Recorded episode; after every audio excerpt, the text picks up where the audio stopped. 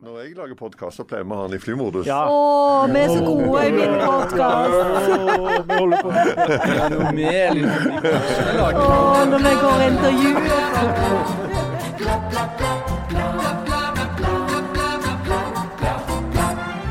De første true crime-bøkene kom allerede på 1500-tallet, og siden har vi altså sett den på frykt og avsky, mens vi på et rart vis koser oss med filmer og bøker og alt mulig om krim fra virkeligheten.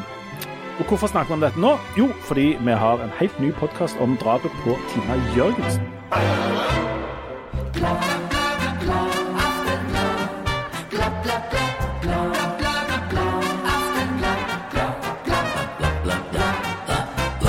Og hjertelig velkommen til Aftenbladet. Vi har med oss altså Truman Capote, eh, Harald Birkevold. Hallo. Og Truman Capote, Jan Zahl. True Dame Capote. Ja. Janne Stigen Drangsvold. Og han fra Truman Show, eh, Hans Petter Aas. True Detective himself. Eh, Hjertelig velkommen, Hans Petter. Tusen takk. Du er jo eh, den fremmede blommen og den fremmede blomsten her. Um, og eh, hvorfor er du her? Det lurer jo meg. Du var jo her når jeg kom, så fikk vi deg ikke ut. Nei, jeg, ble, jeg gikk meg vill, og så så jeg noen mikrofoner, og du vet hvordan jeg er. Da, da oppsøkte jeg. Ja. Men du er jo av grunner kun kjent for Vår Herre og redaktøren, ansatt i Stavanger Aftenblad for å holde på med forskjellige ting. Um, eh, blant annet så har du jo eh, jobbet enormt eh, lenge i karrieren din som, eh, med krim. Det stemmer. Når var du borti i første krimsaken som journalist? Eh, Ja, når kan det ha vært, da? Det mm, kan ha vært når jeg var journaliststudent i Stavanger Aftenblad, men jeg var i hvert fall mye borti krim når jeg var i Dagens Næringsliv, og ikke minst når jeg begynte i VG langt tilbake i 1994. Ja, for du var i VG i ganske mange år, Jeg var i VG i 17 år. og mye krim. Mye krim. Vi andre har jo ikke skrevet med Janne, du har skrevet om drapet på en fugl en gang. Ja. Og den drepte du vel sjøl, så det, ja, det, tror jeg vel ikke teller. lett å lese. Ja. Meg og deg, Jan, vi har vel knapt vært borti noen krimsaker i hele tatt. Vi driver ikke med sånt. Nei, vi er eh, snille, eh, ordentlige karer. I dag skal vi snakke om true crime. Ehm, eh, ja, hva er true crime, Janne? Uh, true crime er jo en sjanger som tar utgangspunkt i uh, saker som, som ikke har blitt løst, og som jo blei vel Det ble vel egentlig litt sånn stort med den podkasten som heter Serial. Eh, fordi at det, eh, En har jo alltid skrevet med altså sånn På 1800-tallet for eksempel, så var det jo kjempepopulært med eh, å skrive om saker som ikke var blitt løst, og liksom eh, få folk til å føle seg litt som sånn detektiver, fordi at det, å, hva kan ha skjedd, og Så det har jo alltid vært litt sånn populær sjanger innenfor journalistikken, men, men det ble egentlig en sånn en skikkelig sjanger fra og med den eh, Serial-podkasten. Um, og da er det jo sånn at um, i den podkasten så tar de jo utgangspunkt i en sak som tilsynelatende er løst fordi de har fanga eh, en eh, som har blitt dømt for det, eh, som sitter i fengsel. Men så mener jo de at det er, var ikke han som gjorde det, og så går de tilbake og så eh, går gjennom saken. Og så Det som er spesielt med true crime, er jo at, det, det, at publikum blir jo eh, og involvert i det. Sånn at de, de er veldig sånn flinke når de lager det narrativet, så er de veldig flinke og får folk til å føle at de òg kan være med å løse eh, den saken. Og det har jo blitt et sånn stort fenomen, særlig i USA, at eh, folk engasjerer seg veldig i en del sånne eh, true crime-saker. Sånn at det, det er jo en del true crime-saker som gjerne ikke nødvendigvis er eh, fortalt som en podkast eller som, som noe på TV en gang, men at det er mer sånn at, du, at det foregår gjerne via TikTok eller andre typer sosiale medier. Og et eksempel på det er jo den eh, Nå husker jeg ikke hva hun heter, men hun som reiste på sånn bobiltur sammen med kjæresten, og så eh, forsvant hun. Eh, og, stemmer. Ja, og da, den engasjerte jo folk seg veldig. Det er jo enormt, det er jo en sånn dokumentar som har blitt lagt om det, som er enormt sånn fascinerende å se hvordan folk liksom eh, har sånne egne forum på sosiale medier hvor de utveksler informasjon, og hvor de bruker all slags forskjellige redskaper. For eksempel så er det en sånn sekvens hvor noen har kjørt rundt i USA, og så har de hatt eh, sånn kamera på bilen sin. Og når du kjører den videoen der i veldig, veldig sakte film, så ser du bilen hennes, og da får de liksom vite ting som politiet aldri kunne hatt noen sånn forutsetning for å vite, fordi at det engasjementet som true crime skaper er så enormt. Men så er det jo òg selvfølgelig det som skjer med Det som er faren med true crime, er jo Eller det som en ofte peker på som liksom de to største farene, det er jo én at en ikke At en behandler det ikke som en sak som har hendt i virkeligheten, sånn at det både Altså alle som er involvert blir bare karakterer på en måte, og ikke virkelige mennesker. Det er jo det ene. Og to er jo at det, dette er detektivarbeidet som eh, hver Kvinsen og Mansen driver med, kan jo forstyrre politiet sitt arbeid og hindre Liksom eh, etterforskningen. Lav, lavterskel, folkefinansiert eh, politiarbeid. Ja. Det skulle ikke kimse av. Men eh, jeg tror Janne har et poeng der når hun peker på at dette har jo lengre røtter enn enn serial og det gjennombruddet. Eh, altså I riktig gamle dager så var jo krimjournalistikken veldig annerledes enn nå. Og veldig retta mot en sånn altså det detaljnivået som var i, i drapssaker f.eks. I, i, Norge på, før krigen f.eks. ville du ikke sett i dag i det hele tatt. Og det var en del sånne eh, karakterer som ble gjort til nærmest sånn en slags lavterskel folkehelter. ikke sant? Altså Alt fra Gjest Bårdsen og framover til, til sånne kjente skapsprengere og, og kriminelle som ble gjort til nærmest som, kjendiser. Bonnie and Clyde er vel kanskje det mest kjente. Ja, eksempelet. ikke sant? Mm. Bonnie and Clyde, aldri hørt om. Det Jo, jeg, jeg, faktisk, jeg hørte de på Mayas for mange, mange mange år siden. Eh, Svært godt band eh, i det som tidligere het World Music, som nå bare heter Music. Dette diskuterte vi i forrige uke. Um, eh, Hans Petter, dere, eh, du og andre med deg har altså uh, lagd en, um, en true crime-serie som, har, eh, som handler om eh, drapet på Tina Jørgensen. Og Nå skal vi høre de første par minuttene av uh, den, bare sånn at folk kan hekte seg litt på.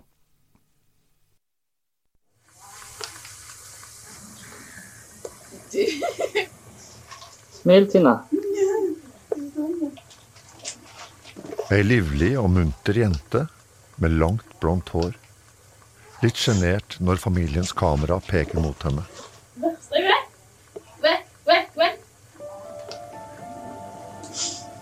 Jeg går og det.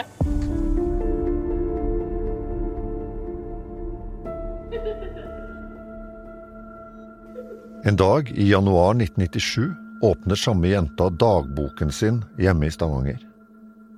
Hun er 17 år gammel, og hun starter med å skrive fem store bokstaver.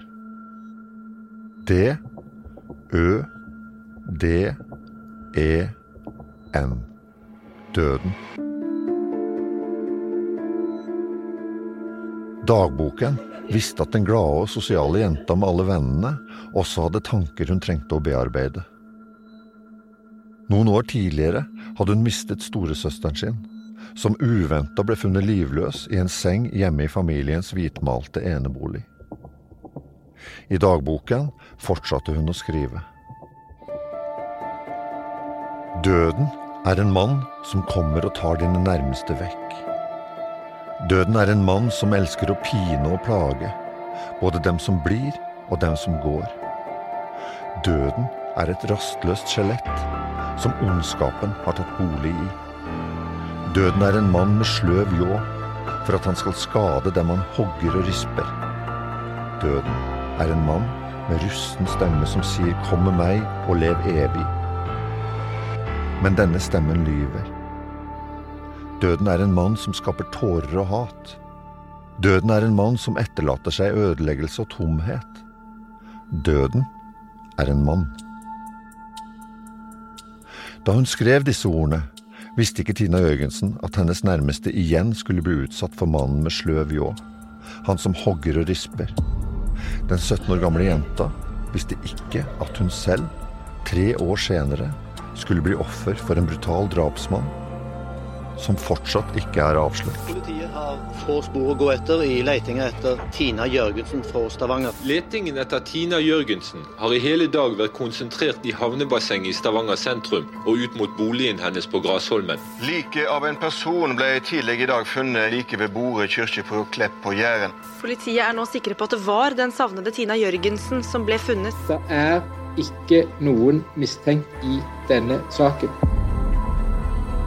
For meg er det så makabert at eh, det er helt uh, grusomt.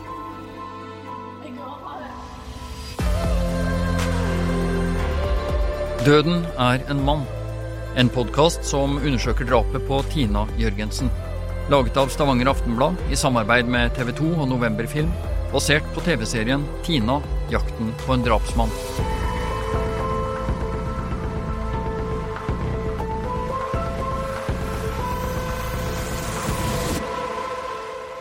Ja, det var eh, det er jo dramatiske greier. Hva- Jeg så, jeg så Janne ble litt uh, prega her. Ja, dette, denne saken er jo uh, en av de uh, som har prega liksom, Rogaland og delvis Norge veldig sterkt.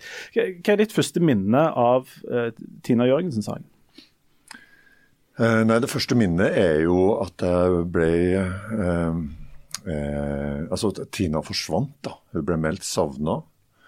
Og eh, den følelsen de pårørende hadde av at politiet ikke tok forsvinninga på alvor.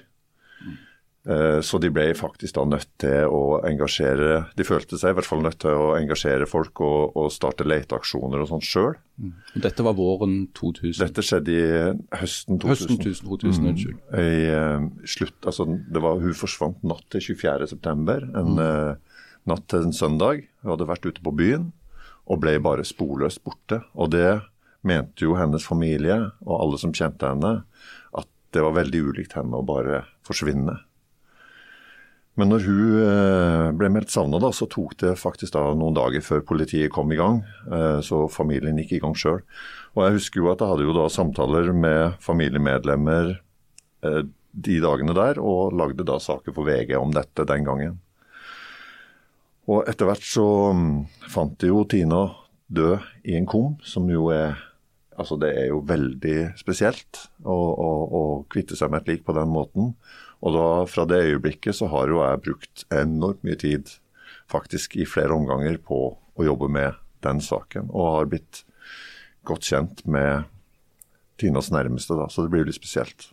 Nå skal ikke vi dra gjennom hele den saken, men her har det vært, den har vært oppe i retten, eh, og folk har vært, det har vært litt inn og ut. og Hvor står den saken liksom nå, eller når dere begynte å jobbe med den på runde 17 her? Ja, den har jo ikke, Det har aldri vært noen som har vært stilt for retten i den saken, men den har vært for retten i den forstand eh, at har, folk har blitt framstilt for varetektsfengsling.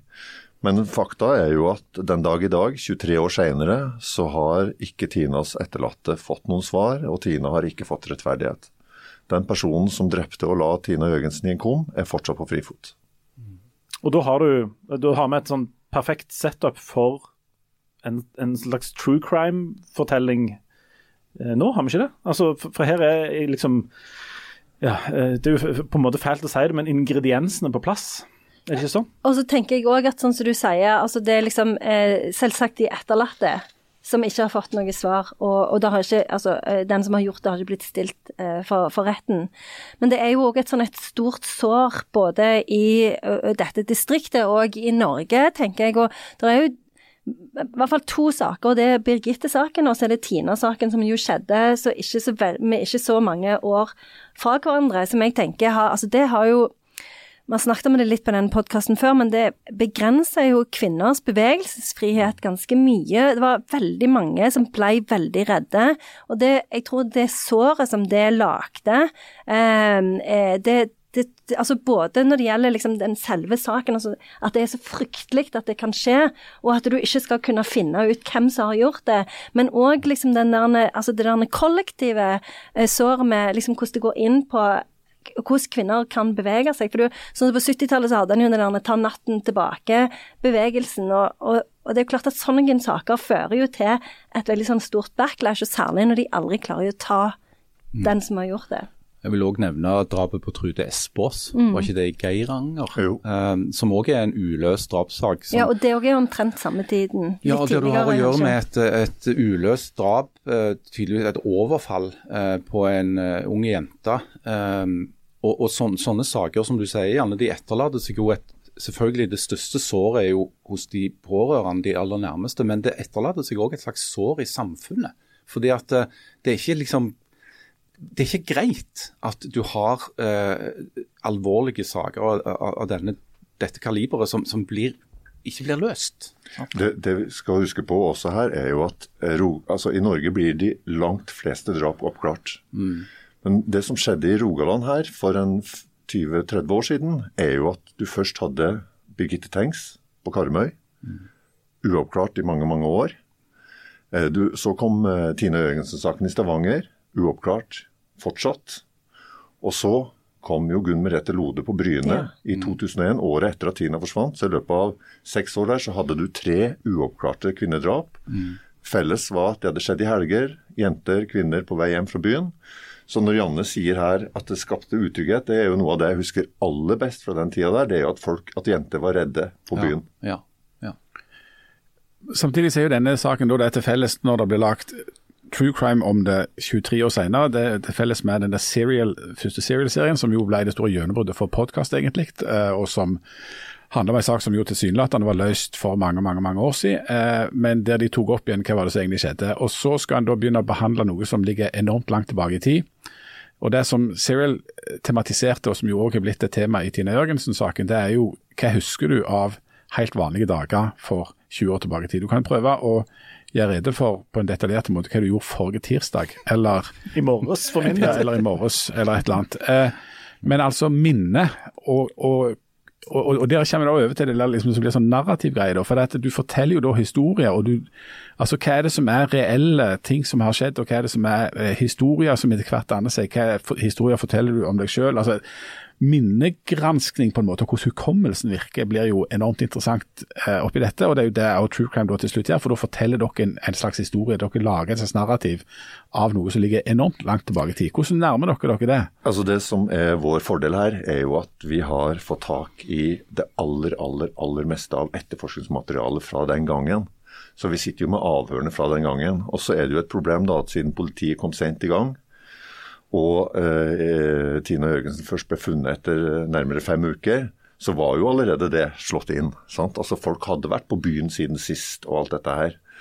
Så det er jo helt opplagt et poeng eh, at eh, minnet blir mye dårligere etter hvert som tida går.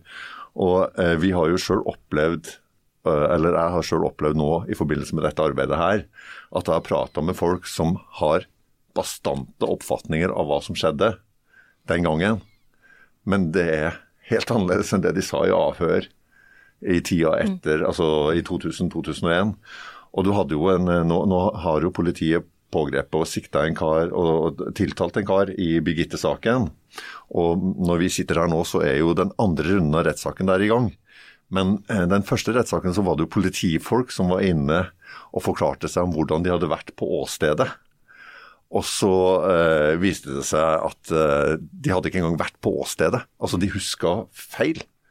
Altså, så, så, så, så det med minne, å dømme noen ut ifra et minne nå, altså Du kan ikke ta dømme noen nå på vitneforklaringer.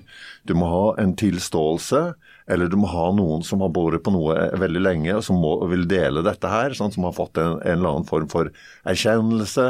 Eller så må du ha tekniske bevis. Aller helst tekniske bevis. Og I. Birgitte-saken så er det jo nettopp det, da. Eh, De tekniske bevisene, altså dette arvematerialet som bare kan stamme fra, fra den som nå er tiltalt, eller hans nærmeste mannlige slektninger, eh, som har vært helt avgjørende for å få fram eh, en sak til, til doms. da. Men du, her skal dere lage eh, en, eh, en, både en TV-serie og en, en podkast som nå Den podkasten kan dere høre fra neste uke av. 19. oktober. 19. oktober. Um, hva i all verden kan en, eh, en enkel trøndersk sjel på ca. to meter eh, eh, med, med sans for, for, eh, for heavymusikk og, og det gode liv, egentlig gjøre som ikke politi og myndigheter og sånt har gjort i denne saken i 20 år? Altså, Hva, hva er målet deres når dere setter i gang med å lage en sånn serie? Skal dere finne ut hvem som har gjort det? Ja, altså Det er jo alltid drømmen. Sant? Men vi må jo være realistiske. Altså, Jeg har jo gjort dette en gang før. Jeg har laga 'Savna', som jeg husker Janne likte veldig Mm, godt. den likte jeg veldig godt. Ja, Fant du ut hvem som gjorde det da?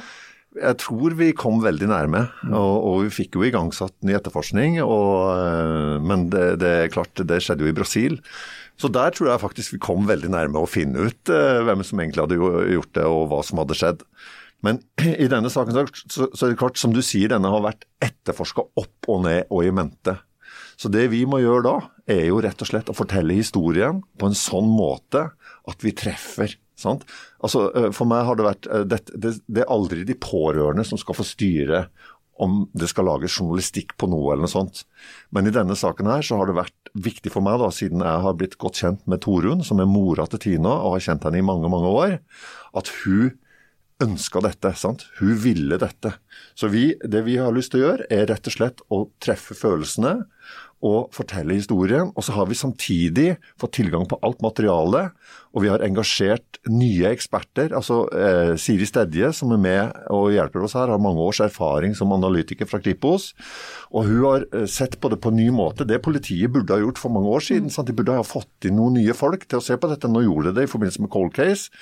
Men det handler jo om å få nye blikk, og, og Siri har et veldig nytt blikk. Og hun gjør oppsiktsvekkende funn, etter min mening, i denne serien. Nå nevnte du et nøkkelord her, cold case. Eh, for det er det som er litt av bakgrunnen. ikke sant? Det var at eh, det ble tatt en beslutning om å se på noen av disse sakene på ny.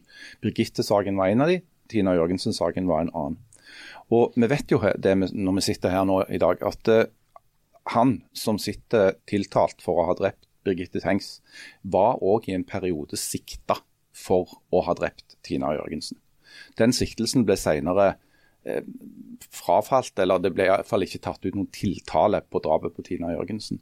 Eh, hvordan har det preget arbeidet med eh, podkasten? Ja, altså, Jeg har det jo med å rote meg opp i veldig langvarige prosjekter. Nisj. Ikke så godt det. Du skulle ut og kjøpe lunsj du i 1995, og siden var det ingen som sitter. Men før jeg dukket opp her. Nei, poenget var i hvert fall at vi begynte jo med dette her. Dette er jo et litt merkelig samarbeid med, med TV 2 gjennom et produksjonsselskap som heter Novemberfilm. Og, og vi begynte jo med dette her i i eh, Ja, det var jo tidlig i 2021. Eh, så det begynner å bli en stund siden.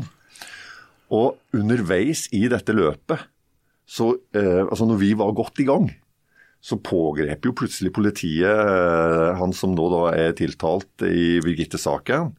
Og samtidig så gjorde det det kjent da, at de også ville forsøke å knytte den til Tina-saken. For han bodde i Stavanger han var i Stavanger den helga mm. da Tina ble drept. Og mm. han er jo ikke hjemmehørende her, han er jo bosatt på Karmøy. Ja. Men han var her da, og det er jo en del ting som gjør at han ble interessant for politiet, både i forhold til historikk og andre ting. Men det som er interessant med disse gamle sakene, er jo at du ser litt grann kanskje hvordan eh, det at man går etter noen, altså at politiet går etter noen, hvordan det også da preger sakene etterpå når, de, når da etterforskningen ikke leder til domfellelser, sånn som i Birgitte-saken, sånn som i Tina-saken, der de ville ta kjæresten og sånne ting. I stedet for å ta saken opp igjen og la noen nye se på den, så ble den saken altså liggende helt fram til 2017, før noen begynte å ta opp saken i full bredde. Det var, eh, I 2007 så var det litt etterforskning knytta til et tips på en konkret person.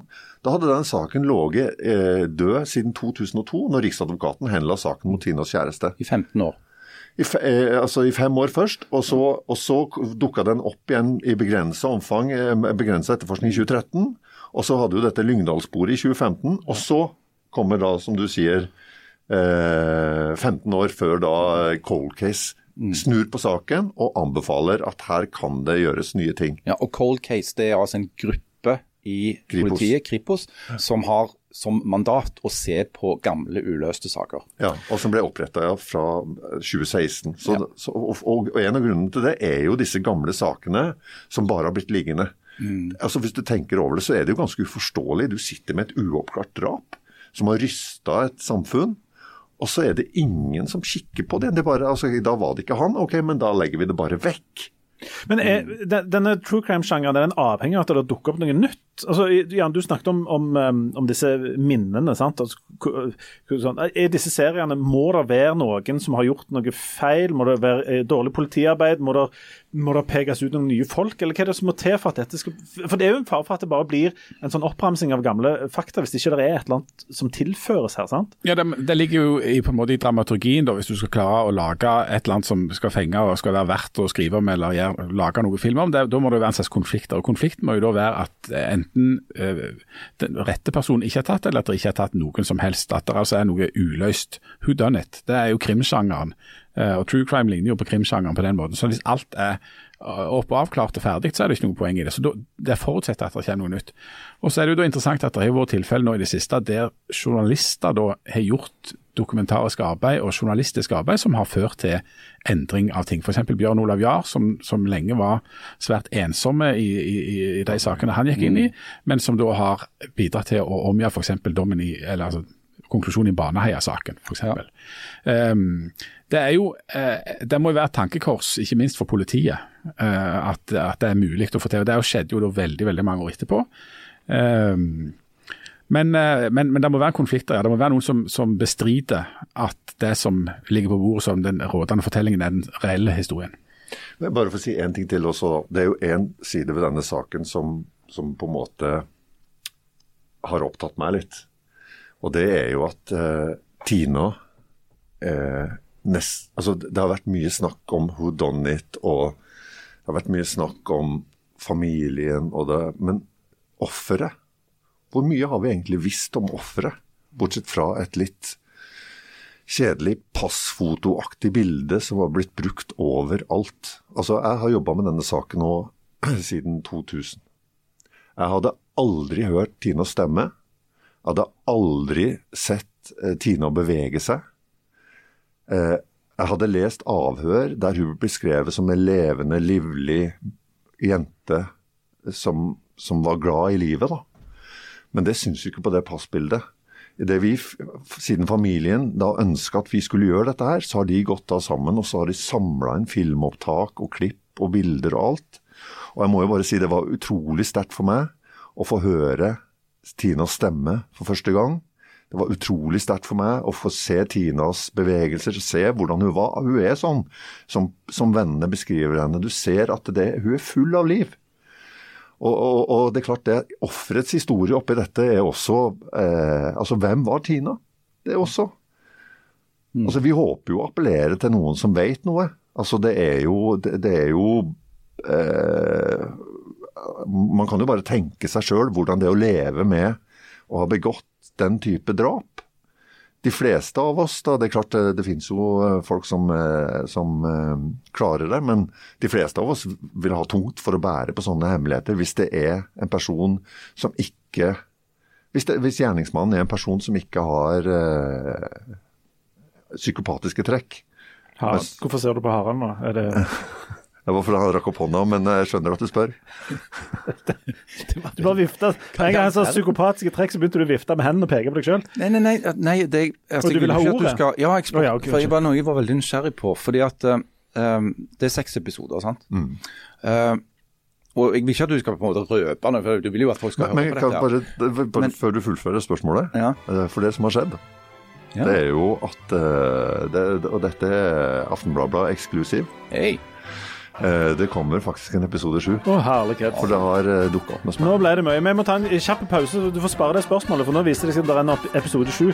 Hva betyr egentlig det? Hmm. Hmm.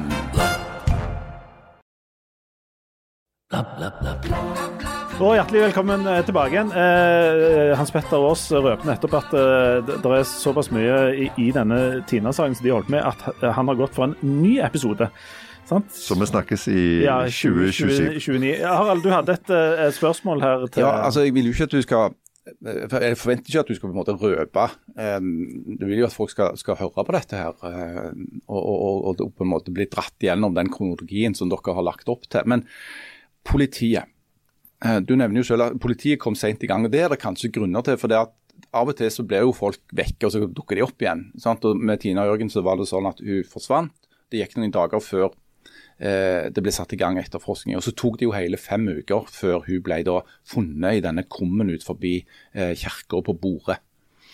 Eh, men altså, har dere sett altså, hva, hva, har vært de feilene som har blitt gjort i etterforskning? Altså, er det noe du kan, tenke, kan, kan si sånn i ettertid at hvis bare dette hadde vært gjort annerledes, hvis de hadde jobbet på en annen måte, så ville det kanskje dette kommet på et, et annet og bedre spor?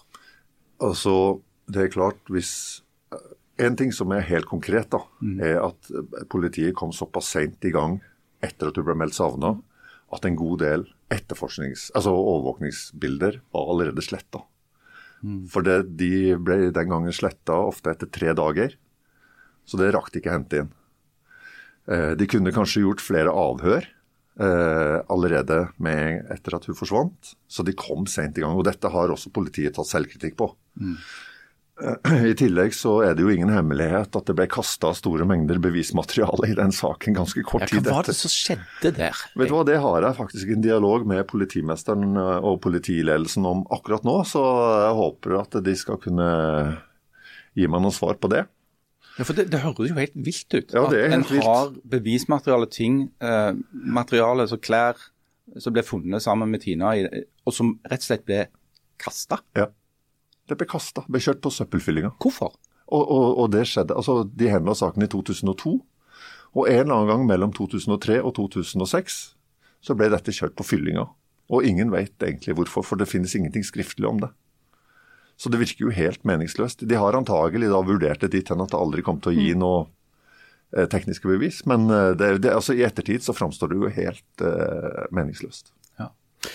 Så er det sånn at uh, alt, all den jobben du har gjort nå i veldig mange år, uh, ender opp i en uh, podkastserie i, i syv episode seks, pluss én episode, viser det seg nå, og en TV-serie og sånt. Og det, da, skal vi eh, sitte og liksom fordøye dette her. Og det er jo sånn at uh, Nå er vi inne i litt sånn ikke om det er litt makabert, eller hva det er, men vi setter jo av lørdagskvelden sammen med ektefellen og heller oss en Torsdag. Torsdag, ja. Sparer det gjerne til lørdagen. Heller oss opp en god kartong med, med, med vin og kjøper noe takeaway. Så koser vi oss jo med en serie eller et eller annet om, om et godt uh, mord. Enten det er liksom klassisk detektiv eller det er disse tingene her. Det er noe sånn makabert med dette, er det ikke det, Janne? Altså, Jo, det er jo det, er jo det men det er jo forskjell, altså det er jo mye altså det er jo mange forskjellige sjangere som vi snakker om her. For det, sånn, så jeg tror ikke det er ingen som setter seg ned og koser seg med den podkasten din eh, på, eh, på Jeg en håper jo de liker den, men eh, Ja, ikke men det, det er ikke, det er ikke den konteksten. Ja. Men det er jo Eh, et underholdningsprodukt. det er jo et underholdningsprodukt, men jeg tenker liksom Altså, jeg tenker jo at, at denne podkasten er viktig, eh, fordi at det er mitt inntrykk eh, som eh, værkvinnsen er jo at eh, politiet gjorde jo ikke Altså, de, de har jo ikke brukt det potensialet de hadde til å utforske dette ordentlig. Og det er jo liksom sånn som med med både eh, Birgitte og denne saken, så får du jo inntrykk av at gjerne de etterforsknings, både etterforskningsmetodene og avhørsmetodene ikke var blant de aller beste, sånn at det gjerne er bra med et sånn et blikk senere, sånn som du har Det er alltid bra med et kritisk blikk, for det er jo, altså kritisk journalistikk kan jo aldri bli feil. Men når det er sagt, da, så skal det også sies at det er gjort mye bra etterforskningsarbeid også. Altså Det er ikke sånn at alt er helsvart. Det er flinke folk som har jobba med denne saken. Men så er det dette med at man kjører seg gjerne fast i et spor, og det er da det, er da, det da bør settes opp eh, med et nytt team, kanskje, som kan kikke på saker på nytt. Og, og, og det, det er og så er det jo gjort noen feilvurderinger her, og det er det jo ikke noe tvil om. Og, og da er det jo viktig at vi tar lærdom av det, og da er det jo vår oppgave som kritiske journalister å pirke borti det. Det skal ikke være enkelt å, å, å, gjøre feil når du har den type jobb. Og, og samtidig så er det jo eh, Jeg opplever denne true crime-sjangeren som nokså sånn ærlige på at det òg er et litt sånn underholdende og fortellende element i det, som gjør det komplisert for noen. Som lett kan tenke seg at f.eks. Eh, pårørende eller andre som på en måte har dette veldig tett innpå seg, syns er vanskelig. For dette er jo underholdning. På Det er underholdning. et eller annet vis. Ja, det er sant? derfor det er blitt så populært. Det er jo blitt enormt populært, rett og slett. Og det, og det er jo enormt fengende. og det er jo det, en av forklaringene bak det tror jeg er at det henger sammen med virkeligheten. og Det er derfor mye filmer og fiksjon også sier at ja, ja, det er basert på virkeligheten, for da skal det liksom få en sånn ekstra dimensjon. Og Hvis du i tillegg sier at dette er en helt vanvittig historie, og så er det virkeligheten, så har det en helt ekstra appell. Eh, Serial, den første serien, det var det som fikk meg hekta på podkast eh, første gang i det hele tatt. Eh, etter det har jeg hørt flere gode, f.eks. S-Town, som jeg ville anbefalt. Eh, på TV, 'Making a Murderer' på, på Netflix ble jo et enormt fenomen. Det var, ja, The Jinx, eh, ikke minst. Og i The Jinx var jo greia at der klarer de på en måte å avsløre morderen til slutt, mens i 'Making a Murderer' så, så var det flere som håpte at han som eh, det handler om der, til slutt kom til å bli frikjent, men det hadde altså ikke ledet til det. Eh, men, men det er jo Det har jo alle eh, ingrediensene som historiefortelling som jo er så gammelt, altså 5000 år gammelt eller så lenge det har vært folk. altså Alltid appellert til folk. og Det handler om virkelige folk, det handler om virkelige følelser, virkelige dramatiske ting. Og så er jo akkurat dilemmaet at virkelige eh, personer og virkelige hendelser blir gjort om da, til underholdning og blir et slags produkt. Jeg, jeg tror jeg må bare få lov å protestere litt, da, siden eh, vi i vår Kommer her og er vanskelige. Ja. Ja. ja. Det er Eh, Men ha deg eh, tradisjonen i denne podkasten er jo at vi skal protestere på det Jan sier. ja. Alle, alle skal protestere på alt. Ja. Men jeg vil bare si det at uh, jeg opplever ikke at jeg lager underholdning, og jeg opplever ikke at uh, uh, det oppleves sånn av de pårørende, som altså er fullt med på å produsere denne serien. Eh, Så jeg vil egentlig protestere på det underholdningsstempelet. Selv om det appellerer eh, til folk, så er det ikke lagd som underholdning. Bare så det er helt sagt fra min side. Ja, jeg tenker jo også at det, sånn som for eksempel Serial er jo ganske sånn interessant eksempel her, fordi at eh, de, det ble jo lagt eh, altså Selv om de har et slags sånn nøytralt utgangspunkt, så er det jo lagt for å finne ut om eh, han eh, Hva heter? Eh, Adnan. Ad, Ayed? Adnan Sayed. Ja. Eh, om han gjorde det eller ikke. Eh, fordi at de mener at han ble utsatt for et justismord. Eh, så det kommer jo selvfølgelig litt an på hva perspektiv en har. Altså hvem er det en jobber på vegne Altså du, ikke at du jobber på vegne av noen, men, men en vil jo alltid, på grunn av at en må alltid ha et narrativ, så vil en jo alltid ha en fortelling. Og så er det jo interessant, for det er jo mange av de der true crime-seriene som oppleves som veldig spennende der og da, men som på en måte De får ikke den der forløsningen som en gjerne har lyst. For det, alle sånn kriminalfortellinger, da vil jo gjerne vite hvem som har gjort det til slutt. Altså, det er jo et ganske viktig premiss. Og sånn så, Det er jo derfor The Jinx, sånn som Jan sier, ble oppfatta som sånn veldig sånn forløsende, for der får du faktisk løsningen til slutt. Du får en tilståelse på slutten. Mens andre, for eksempel eh, den der The Staircase, som jo òg er en veldig sånn populær eh, True crime, der får du ikke Der får du ikke noe løsning, egentlig, men, men der har du òg litt sånn interessante ting hvor du har fått en del sånn etterspill i sosiale medier, eksempel. Du har jo en sånn en helt sånn bisarre YouTube-video som sønnen til han som ble dømt, har lagt ut. Så det er liksom ah, Det er sånn utrolig sånn Det er sånn veldig rare og fascinerende eh, sjanger, og noen eh, true crime er jo utelukkende lagt for å underholde. Sånn så Serial fikk jo mye kritikk fra offeret sin familie, for de mente at hun ble altså Sånn som du sa, eh, det er liksom En fremstiller jo ikke hun som en person, hun er bare død. Eh, mens eh, mens eh, andre Ja, så dette det, altså, mens andre Så noen lages for, for underholdning, noen lages for å finne ut noe konkret om enten offer, eller altså hvem som har gjort det, eller om det er justismord. Eh, så så det, den kan liksom ikke en kan ikke, altså Alle true crime det er en veldig sånn variert sjanger.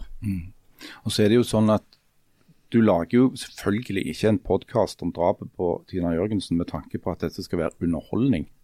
Eh, men du kan ikke kontrollere hva motiver folk har for å høre på det. Og jeg tror jo også at når du har ting på litt avstand Serial handler om et drap i Baltimore. Det, da er det på tilstrekkelig avstand til Mm. at du kan tillate deg å være underholdt av det. Eh, for de som har denne saken, altså dette traumet som Tina Jørgensen-saken er, så er, vil det jo være skal du ha en veldig god forklaring hvis du skal gå ut og si at du, jeg, jeg syns bare det er kjekt å høre på. Selvfølgelig gjør du ikke det. Men det er jo noe som opptar oss fordi at det er et traume. Det er en uløst drapssak eh, midt i Stavanger by. Eh, som, som vi fortsatt tumler med 23 år senere. Det er liksom grunnen. Mot til Tina Jørgensen har jo vært med eh, som, eh, og, bidratt til, til denne, denne serien. Og er, er, målet da, når dere går i gang med dette, og på en måte bare Handler det om å fortelle hele den historien om, om med Tine, eller handler det om å prøve en siste gang å, prøve å få opp ny informasjon, eller hva, hva er liksom eh, endemålet? Absolutt det siste. Mm. Altså absolutt det siste. Eh, Det er jo derfor også vi har kobla på flere eksperter. Blant annet, og gjort tekniske undersøkelser som politiet ikke har gjort. Som de kanskje burde ha gjort, og kanskje bør gjøre, fortsatt gjøre. For det at eh, vi har nå en gang begrensa ressurser, men det har de ikke. Så målet er absolutt å få opp ny informasjon. Målet er absolutt å hjelpe politiet å oppklare denne saken. å åpne noen dører og lukke noen dører, og det tror jeg vi har klart. Og så i tillegg da til dette, denne dimensjonen om faktisk å huske på hvem er offeret her? Altså hvem var den jenta som ble funnet i kummen? Det er jo det som er Og så er det jo selvfølgelig riktig som både Jan og Harald og, og Janne for den saks skyld var inne på her. Ikke det som jeg sa, var ikke Nei, det gjelder ikke. Ja, ok, ja, Nei, det gjelder ikke. Bare, bare snakk. Men uh, hvis du bare skrur lyd, så går det fint. Ja. Nei, men det, det, som er, det som er viktig her, er jo at vi vil jo fortelle denne historien på en sånn måte at folk vil høre det. Sant? Det er jo journalistikk, det. Det er jo journalistikk. sant? Du vil jo fortelle det på en måte som engasjerer. Så, ja, så, så det gjør vi jo. Vi, og, og det er jo det som er sånn Jeg har jo skrevet alltid i hele mitt liv. Jeg har uh, laga lange reportasjer. Sikkert altfor lange reportasjer, ikke sant Jan? Litt i overkant eh, lange. Du har ikke skrevet mye notiser i ditt liv? Nei. eh? Nei, nei, nei, nei. Du har til og med av og til lagt bøker av det. Det har jeg også gjort, ja. Men poenget er bare at eh, dette da altså Nå snakker vi jo først og fremst om podkasten her, da. Det er jo at det åpner jo noen nye muligheter. sant? For du kan lage stemninger og sånn med andre virkemidler enn det du har i ei bok. For du får høre stemmene til de det angår. Du kan legge på musikk. Eh, og, og altså Det blir en annen måte å fortelle historien på. Så er jo dette en sak som du uh, nok er en av de i Norge som på en måte har kjent best. Eh, og så begynner du å jobbe med dette. Eh, vet du noe nå som du ikke visste når du begynte? Absolutt. Ganske mye. Ja. Kan du røpe noe, eller hinte noe, eller hva det, hva det er? Nei, ikke, jeg tror ikke jeg skal gå i detaljer på det greiene. Men for, for, som jeg sa i sted, eh, jeg ble ganske bevega eh, når jeg så og hørte Tina. Mm. Og når eh, mora eh, ga meg tilgang til dagbøkene hennes, som hun ikke engang har lest sjøl. Og bare for å stille sånne spørsmål Så som dere alle lurer på nå. Er vet du, tror du at du vet hvem det er som har eh, gjort det? Det er jo faktisk en av de tingene som er ganske farlig med denne sjangeren her. Ja. Mm. Det er jo at du risikerer å gå i akkurat samme bekreftelsesfella som, eh, som politiet ofte blir beskyldt for. Så eh, eh, la oss si at jeg har ei liste, da.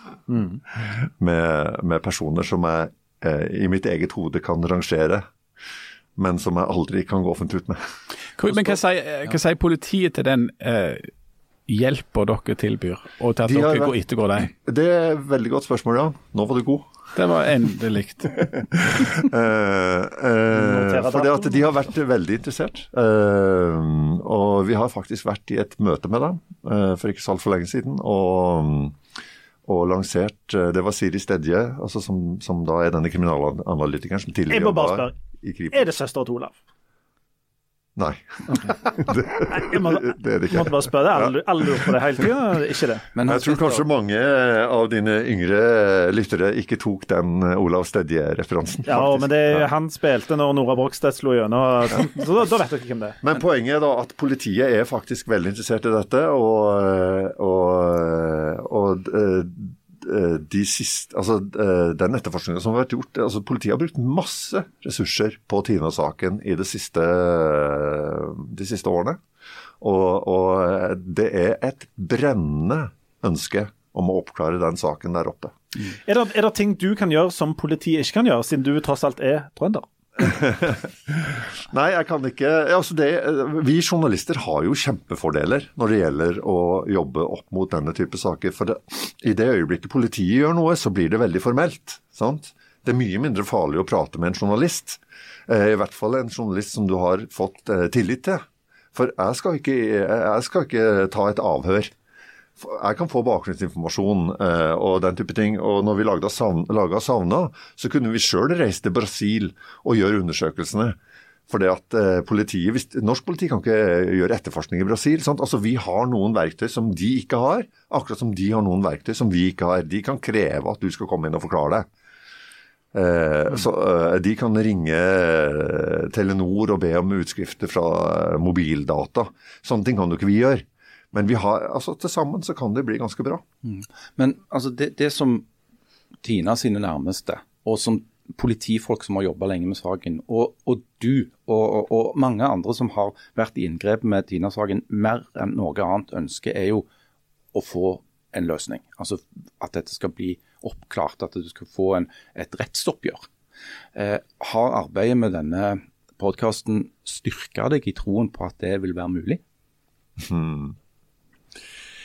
Ja, altså, jeg, håp, jeg, håper jo det, altså. Jeg må innrømme at jeg har et håp om det, men uh, uh, Altså, det er, det er, spennende ting på gang, da. Det er det. Men om det så mange år etterpå kan føre til uh, en tiltale og en dom, det er jo ikke godt å si, men vi krysser fingre. Jeg fikk en veldig hyggelig hilsen fra mora til Tina i går, Torunn, og, og hun håper jo. Mm.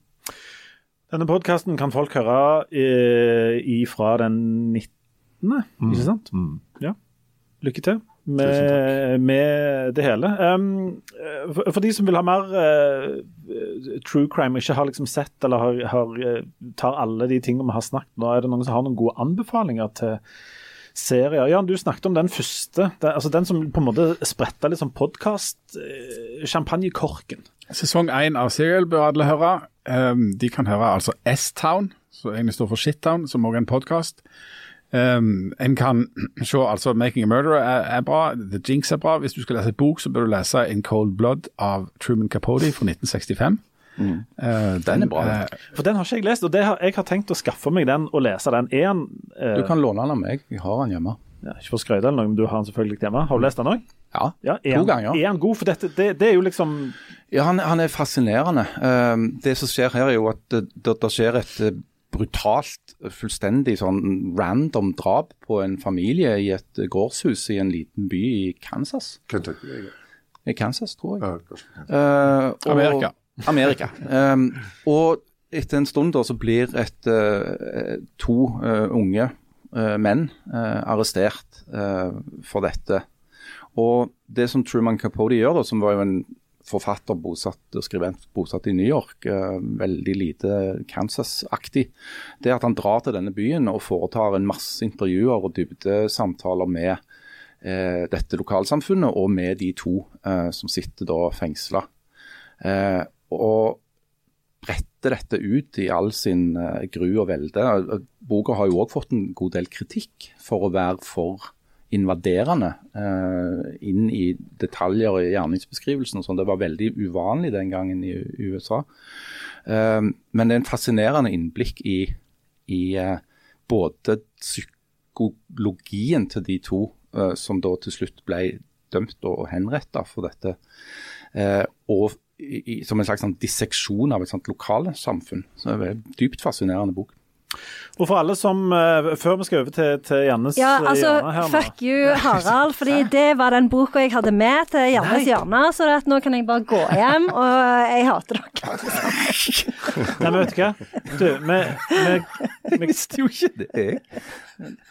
Men det er jo, eh, alle vil jo høre heller deg. Nei, jeg vil ikke snakke om det nå. Var, det Jannes hjørne? ja, det var Jannes Harald, hjørne. Eller Haralds hjørne. Harald Harald som det nå heter. Mm. Nei, det, Jeg beklager det. Sånn kan du kunne jo sagt fra på forhånd, så skulle ikke jeg sagt Han har jo bare ligget her på bordet i ja, to timer. Satt faktisk og så på han. Akkurat jeg sa sånn radarblikk. Så da ja, men mener du at da blir det ikke noe Jannes Nei, nå er? Jannes hjørne avlyst. Men er det ikke noe spørsmål fra lytteren? Eller noe sånt? Janne pleier jo alltid å få en masse spørsmål. Ja, de, de, de Er det bare kritikk? De, passer ikke i dag. Det er bare kritikk og su- sure oppstøt. så Vi, vi kan ikke ta det. Uh, så du, du vil rett og slett avlyse Ja, men jeg anbefaler den boka, jeg òg.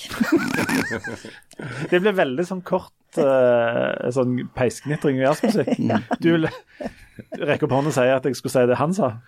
Ja, men uh, jeg har ikke noe mer å tilføye. Janne, Det Janne, er jo Janne ga jo Harald et blikk nå som gjorde at jeg fikk lyst til å lage podkast om det drapet som kommer til å skje snart. Er The Cutter Family. Ja, nei, men eh, Det som er fint med Truman Capote i sin bok, det er jo at han, eh, sånn som Harald sa eh, Både Altså, det er jo eh, når den kom ut, så ble den jo regna som å være altså De kalte det jo for faction, for han skriver jo eh, Tar jo utgangspunkt i fakta, men han eh, dramatiserer det litt. Og det er jo nettopp det eh, true crime òg gjør. at selvfølgelig så, Du lager jo, sånn som jeg har sagt tusen ganger nå, du lager jo et narrativ. Og det må du jo gjøre. fordi at det, Hvis ikke så blir det jo bare altså Du, du, du får ikke lytteren eller leseren med på det. Eh, så, men det som han gjør, da det at det, For han reiste jo til dette lokalsamfunnet sammen med bestevenninna si, Harper Lee. Eh, eh, og så var det jo der, og da eh, Så han, han forteller det jo både fra perspektivet til familien, eh, til lokalsamfunnet og til disse to eh, forbryterne, da. Eh, så, så dette, det er en veldig sånn en, en sånn veldig sånn balansert framstilling. Så det er jo og det er, jo, det er jo nettopp der altså det er jo der true crime-sjangeren har sitt utgangspunkt, fordi det blir noe annet enn denne typen ja, krimjournalistikk som vi hadde før. Og sånn snakket fikk om. jo òg mye kritikk fordi at han menneskeliggjorde de to uh, ved de der intervjuene. At du fikk fram sider av de uh, som var ja, du, du kunne fatte en viss sympati for. da, ikke sant? Det vanskelige oppvekst og, og de tingene der. og det I deler av amerikansk samfunn så ble jo det sett på som veldig sånn svakelig og litt sånn der eh, jeg vet ikke, litt for liberalt, da. ikke sant? Og, og, og, og vise fram eh, forbrytere på den måten. De skulle jo bare være onde, liksom. Er vi i Haralds hjørne nå, eller Jannes hjørne? Det er veldig forvirrende med, med hjørnene her. Men Janne og meg er jo på mange måter ett. Ja, dere er i samme hjørne, det har du helt rett. OK, eh, vi, vi gir oss der. Vi- vi Istedenfor å spille den vanlige jinglen, vår, så tror jeg vi dere skal få høre et uh, lite utdrag til fra uh, denne podkasten om uh, Tina Jørgensen. Som Eh, heter 'Døden er en mann'. Mhm. Og den eh, er, eh, kan folk høre fra eh, 19. oktober. På aftenblad.no. Aftenblad.no. Da avslutter vi med, med litt ifra den, og så snakkes vi igjen om ei uke. Etter hvert som dagene går, forsøker også Elise og Kristine å håndtere den stadig sterkere bekymringen for hvor Tina er blitt av. Og jeg trodde nok at det var et sprell, på en måte. Vi torde jo ikke tenke tanken på at det var så alvorlig. Og så begynte bare egentlig fem, fire-fem forferdelige uker. Politiet har få spor å gå etter i letinga etter Tina Jørgensen fra Stavanger. Forsvinningen blir en viktig sak i nyhetene. Familien håper at Tina Jørgensen fortsatt er i live, men frykter at hun er blitt utsatt for en kriminell handling på vei hjem fra byen. Tor Ove blir også intervjuet om sin lillesøster. Tina er ikke en person som forsvinner uten videre. Hun er for, hun er for glad i de rundt seg til å gjøre det. Tror dere at det har skjedd noe kriminelt her? Vi kan ikke utelukke det, men egentlig så tror vi ikke det. Slik svarer altså politiet i dagene etter at Tina ble meldt savnet. Tinas familie og venner synes politiet gjør for lite i saken. De begynner å mobilisere folk og organisere leting på egen hånd, forteller venninna Kristine. Da stilte det veldig mange folk opp.